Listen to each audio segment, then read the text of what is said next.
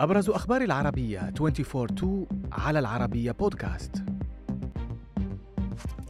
تجدد للشبكات بالأسلحة الثقيلة في السودان رغم الهدنة. بايدن يثير السخرية حول إنقاذ بلوسي للاقتصاد قبل ولادتها. وامرأة تخدش 400 سيارة بكندا والشرطة تبحث عنها. نبدأ من السودان حيث أفاد مراسل عربية بتجدد الاشتباكات بالأسلحة الثقيلة شمال الخرطوم بحري في ثاني أيام الهدنة والاتفاق على وقف إطلاق النار بين الجيش وقوات الدعم السريع. هذا وجددت السعودية والولايات المتحدة التأكيد على أهمية اتفاق وقف إطلاق النار في السودان.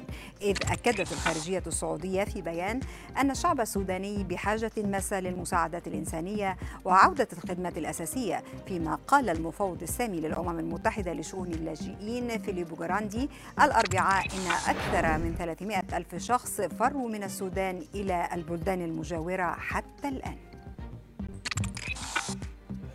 زلة لسان جديدة للرئيس الأمريكي أثارت السخرية على الصعيدين المحلي والعالمي. هذه المرة تخص حليفته رئيسة مجلس النواب السابقة نانسي بيلوسي فخلال حفل تكريم لإنجازات النساء الأمريكيات قال بايدن إن بلوسي ساهمت بإنقاذ اقتصاد الولايات المتحدة خلال فترة الكساد الكبير. في حين لم تكن بلوسي قد ولدت بعد ناشطون قالوا ساخرين من بايدن إن بلوسي ولدت في مارس 1940 والكساد الكبير بدأ قبل ولادتها في عام 1929 وانتهى عام 1941 أي أن بلوسي كانت تبلغ حينذاك عاما واحدا فقط.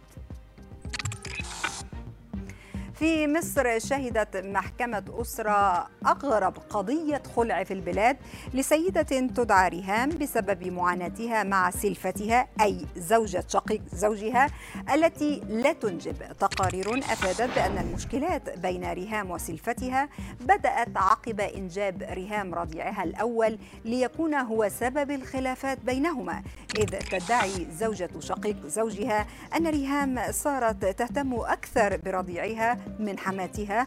الأمر الذي أثار غضب ريهام وشعرت بالغيرة لتقوم بشكايتها لزوجها الذي اعتبر بدوره أيضا أن الاهتمام شيء طبيعي لكنها أصرت على حل مشكلتها بنفسها لتتجه للمحكمة وترفع دعوى خلع للتخلص من الاثنين معا زوجها وسلفتها.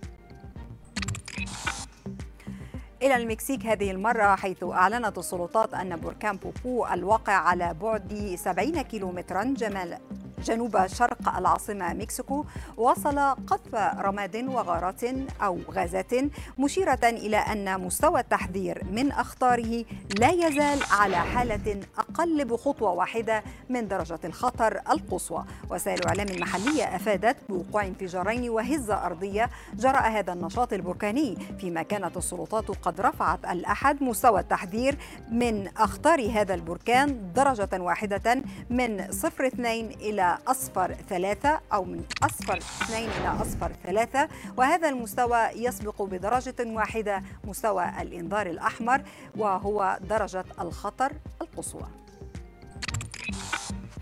ونختم معكم هذه النشرة من كندا حيث رصدت الكاميرات الأمنية امرأة في العقد الخامس من العمر وهي تقوم بخدش 400 سيارة جديدة في وكالتين محليتين للسيارات في مدينة كوتلام من دون معرفة السبب.